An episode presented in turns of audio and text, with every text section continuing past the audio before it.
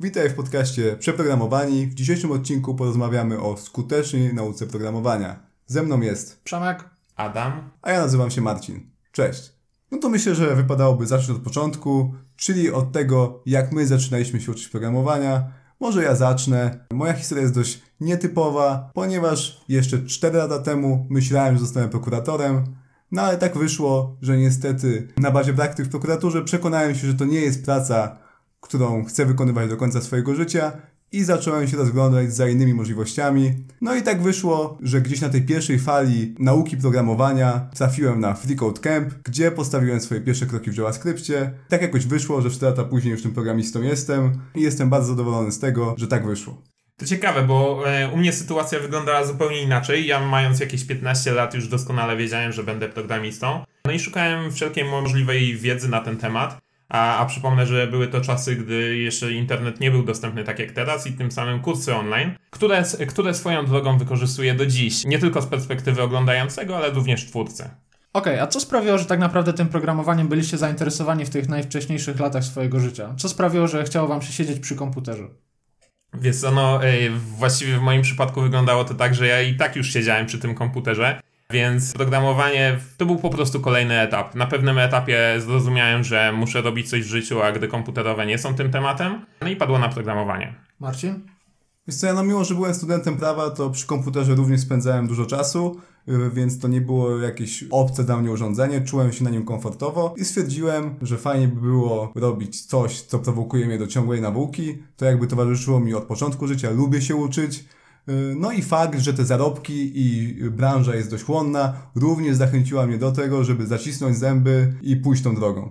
Okej. Okay. No ja ze swojej strony mogę, e, mogę, mogę powiedzieć, że mam jeszcze inną historię niż, e, niż chłopaki. To znaczy w moim przypadku nauka programowania to zawsze było tylko i wyłącznie narzędzie do tego, żeby prezentować swoje prace związane z grafiką komputerową. Na samym początku w latach e, młodości wcale to nie było dla mnie takie pewne, że zostanę programistą, ale przez y, pewnego rodzaju portfolia czy strony, gdzie prezentowałem swoje prace, z tym programowaniem miałem do czynienia. Uczyłem się CMS-ów, uczyłem się PHP i tak naprawdę to wszystko, co działo się w kontekście programowania ze mną, to był czysty przypadek.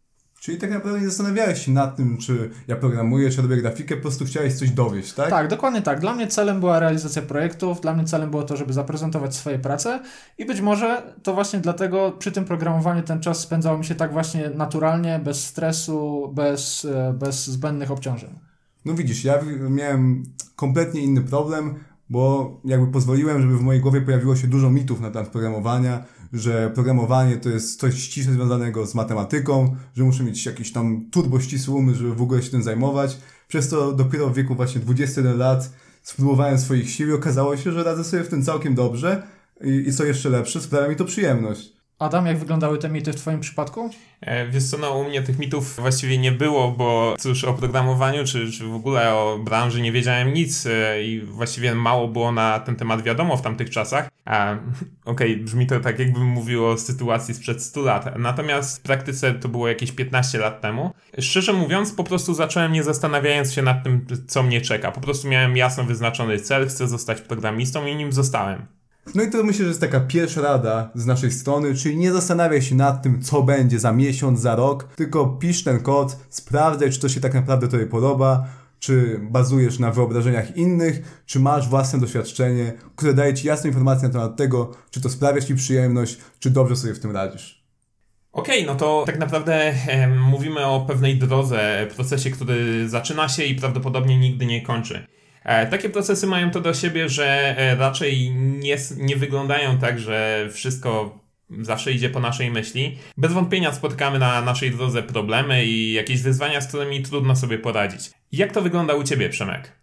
W moim przypadku pierwszym blokerem, czy też pierwszą barierą, z którą musiałem się zmierzyć, było to, żeby pogodzić programowanie i projekty, które realizowałem w domu, na przykład po szkole czy też na studiach, z tym, co tak naprawdę dzieje się na świecie. To znaczy, ja miałem bardzo duży e, opór i bardzo duże wątpliwości co do tego, czy te projekty, które ja realizuję, mają jakąkolwiek wartość. I, ta, i, i odpowiedź na to pytanie poznałem dopiero e, po drugim czy trzecim roku pracy e, klasycznie na etacie, kiedy okazało się, że to, czego tak naprawdę się uczyłem, ma sens i jest bliskie temu, co, co dzieje się w pracy. Ale oczywiście między tym, co robiłem po godzinach, a tym, co robiłem e, jako zawodowy programista, była przepaść. Ale pierwszym z takich blokerów, z tak, pierwszą z takich przeszkód była po prostu wątpliwość, czy to, na co poświęcam czas, ma jakąkolwiek wartość. W porządku, no to trudno się z tym nie zgodzić. Ja miałem jeszcze dodatkowy problem, bo próbowałem nauczyć się wszystkiego i mm, tak naprawdę chwytałem się za wszystko, co wydało mi się ciekawe, i w perspektywie czasu bardzo szybko okazało się, że tych rzeczy jest po prostu za dużo. Ciężko jest rozwijać, inaczej, warto, warto wybrać sobie jakąś specjalizację, od której przynajmniej będziemy zaczynać i dopiero potem rozszerzać się na kolejne tematy. Wyglądało to tak, że po prostu zaczepiałem się o wszystkie możliwe obszary. Marcin, a jak to wyglądało w Twoim przypadku? Wiesz co, ja miałem kompletnie inny problem. Jako, że zacząłem stosunkowo późno, to miałem taką świadomość, że muszę nadrobić te straty, w sensie, że mam 21 lat, dopiero zaczynam, jest to taki Przemek, zaczął w wieku lat tam 12, 13, już tam... Trzech miesięcy i dwóch dni. Tak. E, podczas gdy Adam, to, to już w ogóle ledwo tam pewnie umiałem mówić, jak on już pisał jakiś kod. E, no i miałem świadomość, że teraz muszę przegonić wszystkich, albo przynajmniej wyrównać straty, przez co miałem taką potrzebę idealnego planu, w sensie muszę najlepszy język, najlepszą metodą i w ogóle jak najszybciej, e, bo, bo czas ucieka, a jest go coraz mniej. Czyli nakładałeś na siebie taką niepotrzebną presję, presję, która tak naprawdę nie była wymagana? Tak, tak, zdecydowanie i wydaje mi się, że tego potu spłynęło przez to dużo więcej niż było trzeba, żeby osiągnąć y, efekty, o które mi chodziło. I skąd tak naprawdę dowiedziałeś się, że jest coś takiego jak presja? Kiedy zdałeś sobie sprawę, że tak naprawdę przejmujesz się tym za bardzo? Czy masz taki moment? Wiesz co, ja sobie zdałem z tego sprawę może pół roku temu tak naprawdę, kiedy już osiągnąłem ten swój cel, dostałem pracę tutaj w Krakowie, Y, i jakby no, odhaczyłem y, to, co sobie tam zawiesiłem na tej ścianie trzy lata wcześniej i na co harowałem tak ciężko, tam biczując się wręcz y, w trakcie. No. Czyli finalnie to biczowanie miało sens, czy nie do końca? Ciężko powiedzieć tak naprawdę. Z jednej strony, teraz jak już mam taką wiedzę i to się wszystko udało, no to faktycznie człowiek może stwierdzić, że, że ta dyscyplina nie była aż tak potrzebna, ale z drugiej strony nie wiem, czy dotarłbym w to same miejsce, gdyby tej dyscypliny nie było. Tak, no warto pamiętać, że bardzo często jak myślimy o historii, o przeszłości, to nasze wyobrażenia są nieco skrzywione, bo mamy już wiedzę, której kiedyś nie mieliśmy i na podstawie tej wiedzy wyciągamy jakieś wnioski. 3-4 lata temu ta sytuacja wyglądała pewnie kompletnie inaczej. I tak naprawdę ciężko powiedzieć, czy ta presja, czy ten crunch, który, który robiłeś, był potrzebny, bo mogło się okazać, że tak naprawdę przez to, że zacząłeś trochę później, to był jedyny sposób, żeby to wszystko nadrobić, tak naprawdę. Okej, okay, to są problemy, które mieliśmy kiedyś, a jakie problemy macie teraz? Ja bym mógł powiedzieć e, jeszcze jedną sprawę, jeśli chodzi o te problemy, które mieliśmy kiedyś, jeśli pozwolicie. Jasne. E, bo przyszła mi... Nie. Nie. Przyszła mi do głowy taka, taka e, sprawa związana ze środowiskiem. To znaczy bardzo często jak opowiadamy sobie o nauce programowania, to mamy w głowie perspektywę tylko samego siebie. Ale ja jako chłopak, który chodził do liceum i mieszkał z rodzicami, z tym programowaniem mierzyłem się tak naprawdę jako syn. I moi rodzice oglądali gościa, który spędzał przy komputerze kolejne godziny, i tak naprawdę oni nie byli pewni, czy to, co ja robię, to jest, można powiedzieć, jakieś uzależnienie, czy to jest coś, co przyniesie mi kiedyś korzyści. Po prostu obawiali się o mnie. Także z perspektywy czasu, to, do, do czego zachęcałbym każdego, kto podchodzi do nauki programowania, to jest to, żeby przygotować ludzi wokół siebie do tego, jak będziemy teraz spędzać czas. To znaczy, moi rodzice byli bardzo zaskoczeni tym, ile ja czasu spędzam przy komputerze komputerze. E, no i bardzo podobnie może być w przypadku wielu, którzy podchodzą do tego programowania tak samo jak ja kiedyś. No, umówmy się, programowanie zawsze na początku to jest jakiegoś tam rodzaju grind. Trzeba te swoje godziny odsiedzieć przed tym komputerem. I prawda jest taka, że przed tym chyba ucieczki nie ma. Wydaje się, że tak. Wydaje się, że tak. W moim przypadku e, były to niezliczone dyskusje, były to argumenty, były to czasami kłótnie, ale z biegiem lat okazało się, że tak naprawdę ten czas przy komputerze e, przyniósł korzyści. No i teraz, teraz nikogo to nie dziwi. Kiedyś tak naprawdę wydaje mi się, że tego przygotowania mojego otoczenia mogło być trochę więcej. Tak, ja tutaj chciałbym zaznaczyć jeszcze jeden fakt, mianowicie spędzanie czasu przy komputerze na początkowym etapie nauki e, jest pewnością bardzo potrzebne. Natomiast e, ja z perspektywy teraz już kilkunastu lat doświadczenia w branży, no szczerze mówiąc, ten czas spędzany przed komputerem wcale się nie zmniejszył. Także z tym też trzeba się liczyć że to nie jest tak, że zaczniemy się, zaczniemy uczyć się programowania, nauczymy się, dojdziemy do pewnego etapu, a potem już będzie luz. E, prawda jest taka, że branża zmienia się tak szybko, że ta nauka cały czas jest po prostu niezbędna. Powiedziałeś, że nauka jest niezbędna, czyli rozmawiamy o teraźniejszości. Jak wyglądają problemy, z którymi zmagacie się teraz? Jak wygląda nauka programowania i co, jeśli chodzi o pewnego rodzaju optymalizację tej nauki programowania, macie w swoich głowach? Okej, okay. w moim przypadku takim największym problemem jest to, że rzeczy, których można się nauczyć, jest po prostu bardzo dużo i ciężko jest wybierać. No i tak się składa, że mam dokładnie ten sam problem. Teraz już powoli muszę sobie odmawiać, bo umówmy się, bibliotek, yy, wszelkich frameworków, zwłaszcza w świecie JavaScriptu jest tak dużo, że człowiek nigdy tego nie opanuje, a okazuje się, że bardzo często w ogóle nie ma takiej potrzeby.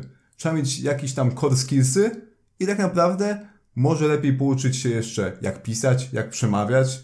Dobry programista nie jest tylko dobry w pisaniu kodu. I jakby trzeba też moim zdaniem równoważyć ten rozwój i zastanawiać się też nad innymi sprawami, które mają wpływ na tą naszą karierę. No tak, swoją drogą pamiętam e, czasy, gdy uczyłem się, czy właściwie przebijałem się przez całą doku dokumentację Bootstrapa i uczyłem tych wszystkich klas, e, co jak później okazało się, może nie, że bezużyteczne, ale na pewno dało się to zrobić inaczej. Ja myślę, że to jest bardzo użyteczna myśl w tym, co Adam powiedział. Moim zdaniem uczenie się na zapas nie ma większego sensu, ewentualnie podstaw.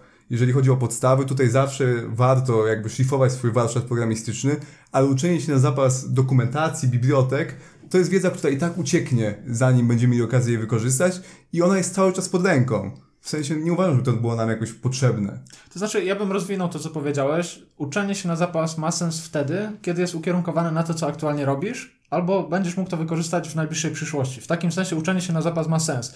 Ale jeśli jest to uczenie się na zapas kompletnie innej dziedziny, dziedziny, z którą nie będziesz miał do czynienia w przeciągu następnych 5 czy 10 projektów, to tutaj pełna zgoda, uczenie się na zapas to jest, wydaje mi się, strata czasu. Powiem tak, no niby tak, ale nie do końca. Przyszłość ma to do siebie, że nie zawsze jesteśmy w stanie przewidzieć to, co stanie się jutro, a tym bardziej to, co stanie się za 10 lat. Mam przykłady umiejętności, które zdobywałem wiele lat temu, o których nie miałem pojęcia, że będę wykorzystywał obecnie.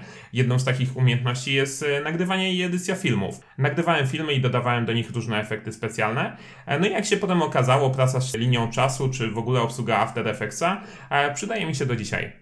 To znaczy tak, ja na pewno chciałbym dodać, że w tej naszej dyskusji jest tyle niuansów, że bardzo ciężko będzie znaleźć jedną odpowiedź na to, czego warto się uczyć, a czego nie warto się uczyć, bo... To ustalmy fakty. Ustalmy fakty. Ja myślę, że fakt jest taki, że jeżeli kieruje, nam że jeżeli kieruje nami zajawka, to jak najbardziej nie ma co się zastanawiać, tylko trzeba brnąć dalej, godziny będą lecieć, skillsy będą rosnąć i Java będzie grała. Gorzej, kiedy wchodzimy na jakieś fora, face'a i ktoś nam pisze, że musimy się nauczyć Reacta, druga osoba każe nam się nauczyć Angulara i wtedy uczymy się tego wszystkiego, tak naprawdę idąc tym owczym pędem i wtedy moim zdaniem to już jakby traci ten sens. To miałem głównie na myśli, Dokładnie, tak naprawdę, żeby zaspokoić kogoś potrzeby i kogoś wyobrażenie programowania, a nie to, jak Twoja ścieżka zawodowa będzie wyglądać w najbliższej przyszłości. Ja do tego dodałbym jeszcze to, że jeśli uczymy się umiejętności, które są powiedzmy komplementarne do tego, co robimy, czyli tak jak Adam powiedział, na przykład jestem programistą i gdzieś z boku uczę się e, obróbki filmów, albo obróbki fotografii, albo uczę się grafiki komputerowej, to oczywiście ja osobiście nie mam przeciwko takiemu sposobowi nauki nic przeciwko. Myślę, że to ma bardzo dużo sensu i po prostu przygotowuje nas na przyszłość. Ale tą istotą uczenia się na zapas i właściwie tym, że czasami jest to bez, bezsensowne, jest to, co powiedział Marcin, czyli uczymy się na zapas, żeby ktoś kiedyś miał o nas dobre zdanie. Wtedy wydaje się, wydaje się można powiedzieć, że jest to strata czasu. Problem ze zdaniem innych osób na nasz temat jest taki, że zawsze znajdzie się ktoś, kto będzie miał to zdanie złe. I mi się wydaje, że też trzeba się po prostu o tym przekonać, y, bo ludzie ogólnie mają tendencję, chcemy zadowolić wszystkich, chcemy być lubiani. Ale prędzej czy później, na przykład jak y, otworzycie swojego bloga, kanał na YouTubie, czy ogólnie podzielicie się czymkolwiek, zawsze znajdzie się jakiś człowiek, który powie wam, powie wam, że jesteście do niczego i że w ogóle najlepiej jakby was nie było. Marcin, jesteś do niczego, najlepiej jakby cię nie było. No, Marcin. dziękuję.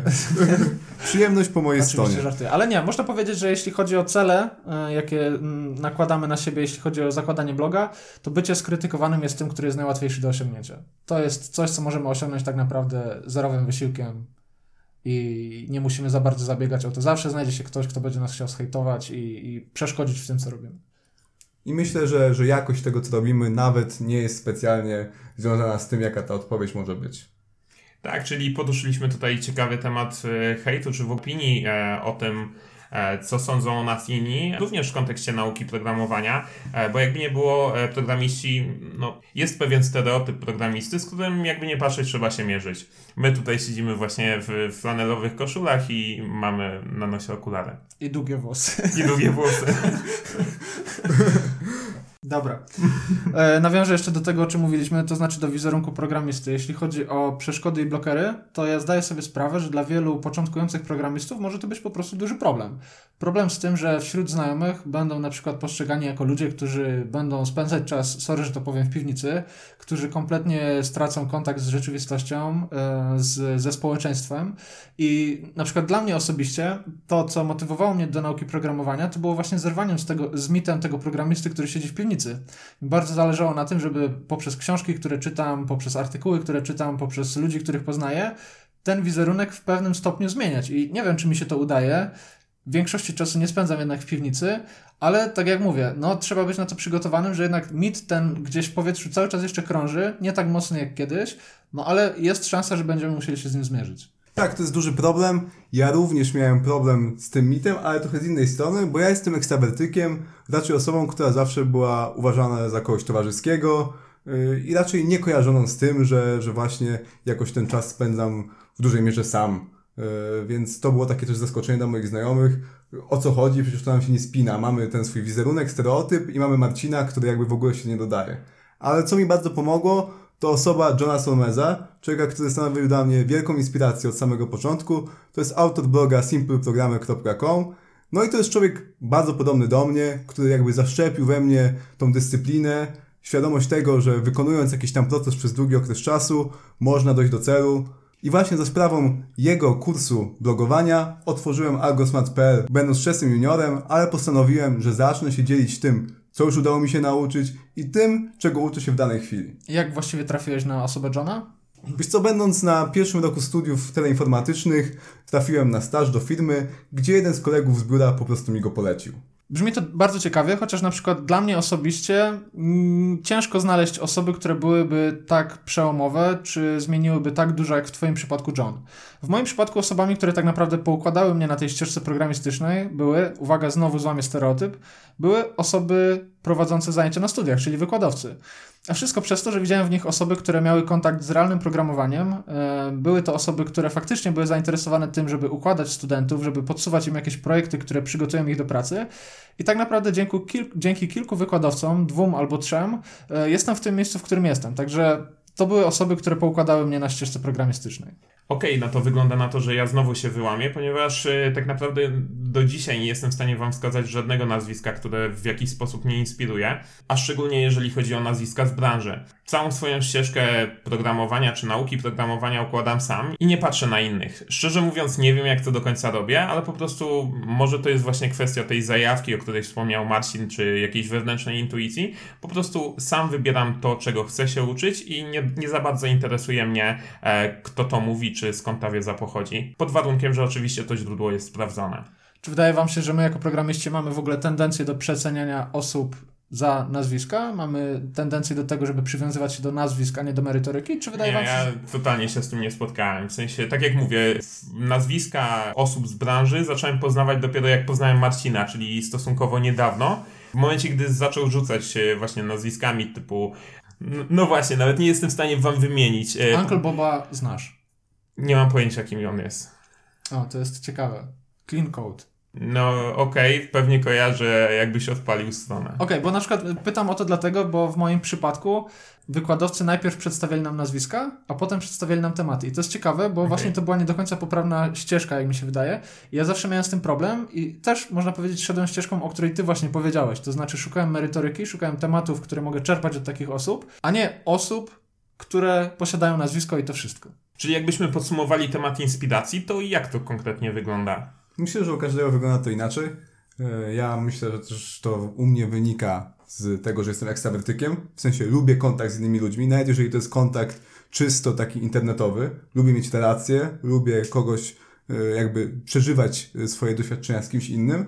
No i właśnie tam John Solmes, czy choćby z polskiego podwórka Maciej Nicerowicz czy Mirek Burnejko, to były dla mnie takie osoby, które jakoś tam mnie prowadziły, mając więcej doświadczenia na karku, czułem się, że mając kogoś takiego, kto mi tam doradza, y, jakby ta droga będzie sprawniejsza, szybsza i właśnie, y, tak jak już mówiłem na początku, szybciej dotrę dzięki temu do celu, że tych błędów nie popełniam i że ktoś tam mi tą drogę wskazuje. I szczerze mówiąc, trudno się z tym nie zgodzić. Natomiast e, z pewnością istnieje jeszcze alternatywna ścieżka, tą, o której wspomniałem, czyli ścieżka, e, którą idziemy całkowicie sami. Tutaj jasne, nie ma tego przyspieszenia związanego z tym, że unikamy błędów, których popełnili inni. Natomiast e, zaufanie sobie to jest coś, co ja osobiście promuję i mocno Was do tego zachęcam. Tym bardziej w sytuacji, gdy naprawdę czujecie, że coś, co powinniście zrobić, jest tym, co powinniście robić. Powiedziałeś o ścieżce polegającej na samotnej nauce programowania. I wiadomo, że jak idziemy po jakiejś ścieżce w pojedynkę, to w pewnym momencie mogą nas znaleźć jakiegoś rodzaju wątpliwości. Możemy być niepewni co do tego, czy kurs, który obraliśmy jest dobry, czy tak naprawdę tych błędów faktycznie nie popełniamy, czy tylko nam się wydaje, że popełniamy. I zastanawiam się, czy ty osobiście masz jakieś wyznaczniki, albo jakieś znaki, albo sygnały, albo punkty, które pokazują ci, że idziesz w dobrym kierunku. Może zabrzmi to dziwnie, ale nie mam żadnych wątpliwości. Właściwie nie miałem ich od samego początku, od momentu, w którym zdecydowałem, że będę programistą. Po prostu coś wewnątrz mówi mi, że to jest ścieżka, którą powinienem podążać i właściwie nigdy nie miałem sytuacji, w której e, wątpiłem w siebie. Co najwyżej, okej, okay, były sytuacje, gdy rozwiązywałem jakiś problem po raz 150 i wydawało mi się, że to już nie ma sensu, natomiast zawsze później wracałem. Marcin, jak to wyglądało w Twoim przypadku? Czy miałeś jakieś wątpliwości co do ścieżki, którą obrałeś?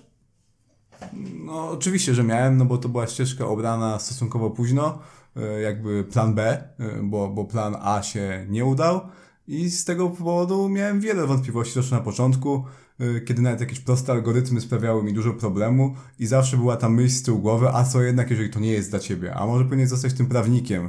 No ale już za późno, no bo ze studiów się wykoptowałem i stwierdziłem, że będę programistą.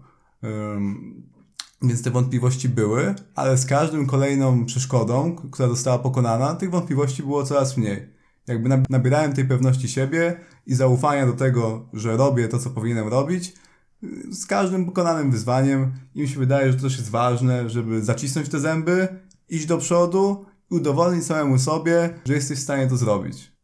Słuchając Was, można odnieść wrażenie, że tak naprawdę te Wasze podejścia nie mają ze sobą nic wspólnego, ale ciekawe jest to, że i jeden, i drugi znajduje odpowiedzi na te swoje wątpliwości i tak naprawdę idzie do przodu. I wydaje mi się, że nasi słuchacze mogą wyciągnąć z tego taki wniosek, że najważniejsza jest ta wytrwałość w dążeniu do celu, niezależnie od tego, czy jesteś introwertykiem, czy ekstrawertykiem. Jeśli tylko nie będziemy się porównywać z innymi, jeśli nie będziemy szukać tej ścieżki u kogoś, tylko będziemy się trzymać tego, co mamy u siebie w głowie, to tak naprawdę odpowiedzi znajdziemy. W momencie, kiedy zaczniemy poddawać wątpliwość, co robimy, to mogą pojawić się problemy.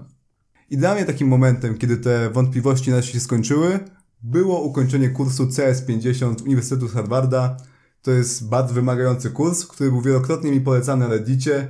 No ja mówię, zawsze szukałem tej rady gdzieś na zewnątrz i to była rada, która przewijała się bardzo często. Stwierdziłem, że mimo to, że dużo ludzi pisało, że nie dawało sobie rady z tym kursem, spróbuję swoich sił i zobaczę, czy te wskaźniki w C, o których wszyscy mówią, że są tak ciężkie, lub e, pokonają również mnie. No i co prawda, przeciętnie jeden projekt zajmował mi po 20 godzin tygodniowo, ale krok po kroku pokonywałem kolejne moduły tego kursu i jakby ta pewność siebie naprawdę rosła. I to właśnie wynikało z tego, że wyzwanie było naprawdę duże i miałem poczucie, że skoro daję sobie radę z czymś tak trudnym, no to już będzie ok. Czyli można powiedzieć, że to był moment, w którym zacząłeś wierzyć w siebie. Znaczy, z wiarą w siebie nie miałem w życiu jakichś większych problemów, ale z wiarą w to, czy mogę być kompetentnym programistą, już tak. To po prostu była teza, którą musiałem sobie zwalidować i myślę, że ten kurs był świetnym na to sposobem. Okej, okay, u mnie taką walidacją było zrobienie czegoś, czego wydawało mi się nie dało się zrobić, czyli w tym przypadku był to bardzo rozbudowany projekt, który realizowałem właściwie od samego początku, od y, projektowania grafiki przez y, kodowanie samego interfejsu aż po bazy danych. No i w momencie, gdy ukończyłem ten projekt i okazało się, że faktycznie wszystko zostało zrealizowane, czy zrealizowałem tak, jak sobie za założyłem, to był właśnie ten moment przełomowy, moment y, mojej walidacji, czy moment, który można porównać e, z Twoim doświadczeniem, Marcin, e, ukończenia tego egzaminu. Przemek, ty miałeś taki moment, czy to był u Ciebie bardziej proces? Jak to e, wyglądało? W moim przypadku przełomowym momentem było skupienie się na frontendzie.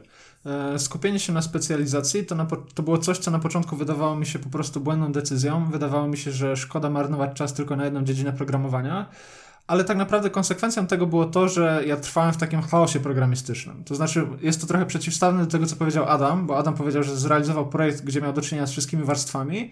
Ja również uczestniczyłem w czymś takim, ale wydawało mi się zawsze, że każdą z tych warstw poznaję na nieodpowiednim poziomie. I przez to, że gdzieś miałem doświadczenie z grafiką komputerową, to w pewnym momencie postanowiłem, że skupię się tylko i wyłącznie na frontendzie. No i na początku miałem obawy, że być może jest to specjalizacja, na którą decyduję się zbyt szybko, ale po czasie widzę, że tak naprawdę był to dobry krok. Y, stało się to gdzieś 3 lata temu. I od tego czasu nauka programowania stała się o wiele bardziej uporządkowana. Tematy, które poznawałem, dotyczyły czegoś, co bezpośrednio przekłada się na moją pracę, i też nie miałem takiego poczucia, że tej wiedzy jest tak dużo, że ja nie jestem w stanie tego pojąć. Czyli tak naprawdę z całego tego programistycznego tortu wybrałem sobie części, które interesują mnie najbardziej. I można powiedzieć, że od momentu, kiedy postawiłem na tę specjalizację, dużo łatwiej e, pracuje mi się i żyje jako programista. Ja myślę, że w takim razie mamy takie dwie perełki dla Was. Po pierwsze, warto dawać sobie duże wyzwania, coś, co wręcz Was lekko przytłacza, bo kiedy rozwalicie coś takiego, to już ta pewność siebie będzie duża. Tak, nie ma rzeczy niemożliwych. Tak. Nie? Innym się kolana trzęsą, wy to zrobiliście, czyli coś tam musicie mieć do zaoferowania. I myślę, że na początku ścieżki to podejście Adama takie szerokie, żeby poznać wszystko, dotknąć wszystkiego, zobaczyć co mi się podoba, jest mega wartościowe, a później warto zmierzać w kierunku tego, co najbardziej nam odpowiada, bo jakby to skupienie, fakt, że interesujemy się tylko jedną grupą technologii, a nie dziesięcioma, ma duży, ma pozytywny wpływ na balans naszego życia i pracy, y, naszego życia prywatnego i pracy oraz tego, jak w zasadzie jesteśmy wartościowi na rynku pracy. Aczkolwiek też nie można zapominać o tym, że warunki, w których pracujemy, mogą być po prostu różne i praca w dużej korporacji będzie się różnić od tego, jak wygląda praca w startupie. I tutaj podam przykład e, jednej z firm, w której miałem okazję pracować, gdzie po prostu specjalizacja byłaby nie na miejscu, bo ja byłem od wielu rzeczy i po prostu przez to byłem ceniony, że znałem się na wielu rzeczach. Znałem się na konfiguracji serwerów, znałem się na programowaniu backendowym, znałem się na programowaniu frontendowym, na tyle, na ile było to potrzebne i właśnie przez to byłem ceniony. W innych firmach prawdopodobnie takie podejście byłoby czymś, co przyniosłoby mi więcej złego niż dobrego, ale tak jak mówię, warto pamiętać o tym, że bardzo ważny jest kontekst i moment kariery, na którym aktualnie się znajdujemy. Tak, e, ja bym powiedział, że czasem specjalizacją może być brak specjalizacji. Taka umiejętność, czy takie dostosowanie, czy ułożenie swojej kariery sprawia, że na przykład z powodzeniem teraz realizuję swój projekt, z którego mnie pewnie znacie, czyli projekt Overment. Projekt tego typu charakteryzuje się właśnie tym, co mm, doświadczamy na przykład w środowisku startupowym, czyli z jednej strony, ok, przekazywanie wiedzy to core działalności, natomiast jest masa innych drobnych rzeczy, czy większych rzeczy, którymi musimy się zająć sami. No i wtedy ten brak specjalizacji jak najbardziej się sprawdza. Tutaj dodałbym też, że poznawanie ludzi, których ścieżka wygląda nieco inaczej od naszej, jest dobrą okazją do wypracowania sobie takiego szacunku wobec innych. Może zabrzmi to trochę naiwnie, ale wydaje mi się, że ja na przykład zmagałem się na początku drogi z tym, że miałem tylko jedno słuszne wyobrażenie drogi programistycznej i razem z tym, jak poznawałem kolejnych ludzi, kolejne firmy, kolejne projekty, to okazywało się, że tak naprawdę nie ma czegoś takiego jak jedna słuszna ścieżka w programowaniu. I moim zdaniem o tym należy pamiętać, kiedy odwiedzamy różne fora internetowe, portale, gdzie znajdzie się wiele ludzi, którzy nam mówili, że programowanie wygląda w ten sposób, musimy iść określoną ścieżką, no tylko jak się tych opinii trochę poczyta, to nagle okazuje się, że tych jedynych ścieżek jest naprawdę wiele, co pokazuje prawdziwy obraz sytuacji, czyli tych ścieżek jest praktycznie nieograniczona ilość, idź po prostu i w pewnym momencie dojdziesz tam, gdzie chcesz być. Paulo Coelho yy, polecał. Spokojnie, to jest nadal podcast programistyczny, nie będzie coachów, nie będzie motywacji, yy, będą za to nasze plany na przyszłość. No to Przemek, zacznij, powiedz nam o swoich planach na przyszłość i dlaczego będzie to czytanie Alchemika. Co prawda czytania Alchemika nie mam w planach, ale jeśli chodzi o plany na przyszłość, to jednym z najważniejszych punktów dla mnie jest work-life balance. To znaczy chciałbym wykorzystywać czas, który mam bardziej efektywnie. Chciałbym zredukować liczbę projektów, nad którymi pracuję, tak żeby praca była bardziej efektywna, ale też żeby po prostu pojawił się czas na odpoczynek. Bo im więcej czytam o tematach związanych z rozwojem i o tematach związanych z efektywną pracą, to tym bardziej przekonuję się, że odpoczynek i takie kwestie jak chociażby sen są po prostu niezbędne do tego, żeby pracować efektywnie. Tak, mi zrozumienie tego zajęło przynajmniej kilkanaście lat. Natomiast mam wrażenie, że w tej chwili ten etap jest już częściowo za mną. Natomiast moje plany na przyszłość zmierzają nieco w innym kierunku, mianowicie zapamiętywanie. To jest e, obszar, który wydaje mi się nie do końca zarządzony w moim życiu, a wiem, że istnieją różne metody zapamiętywania tego, czego się uczymy.